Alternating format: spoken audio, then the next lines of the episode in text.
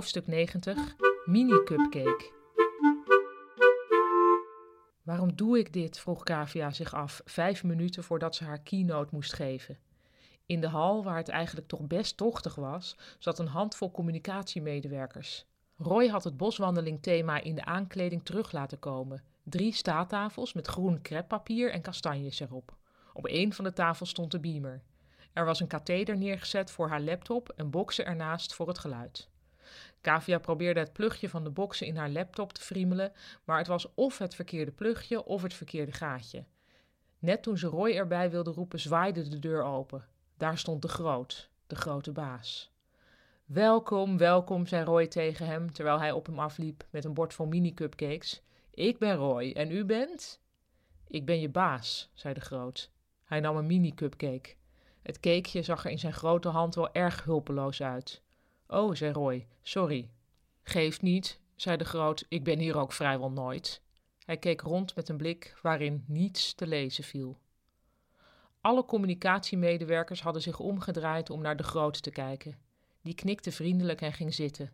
Zijn knieën staken omhoog, alsof hij een vader was die op een ouderavond in de kleuterklas op een veel te klein stoeltje was neergezet. En toen was het tijd om te beginnen. Kavia had met behulp van Kim een PowerPoint-presentatie voorbereid, waarvan ze hoopte dat die ruim een kwartier zou duren. Toen zij met Enzo had geoefend, duurde hij maar drie minuten, maar je wist nooit hoe het zou lopen als er publieksreactie was, had ze zichzelf voorgehouden.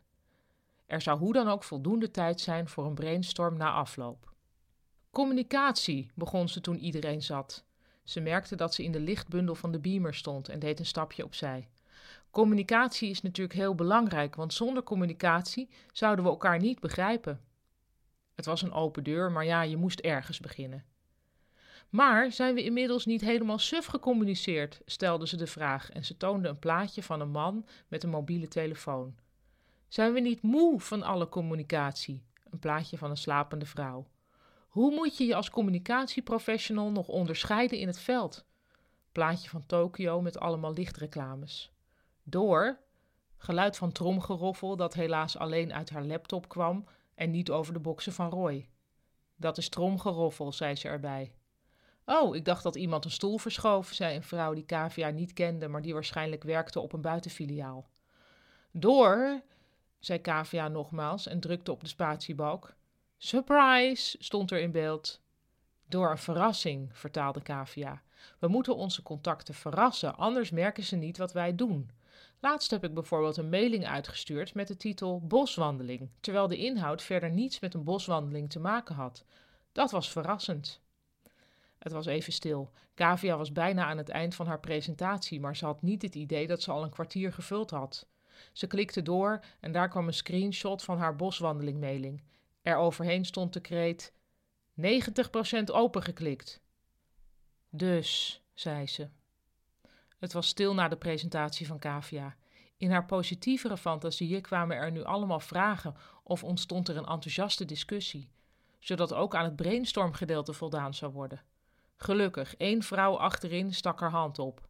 Ja, zei Kavia. Maar wat had het dan met een boswandeling te maken, die mailing? vroeg de vrouw.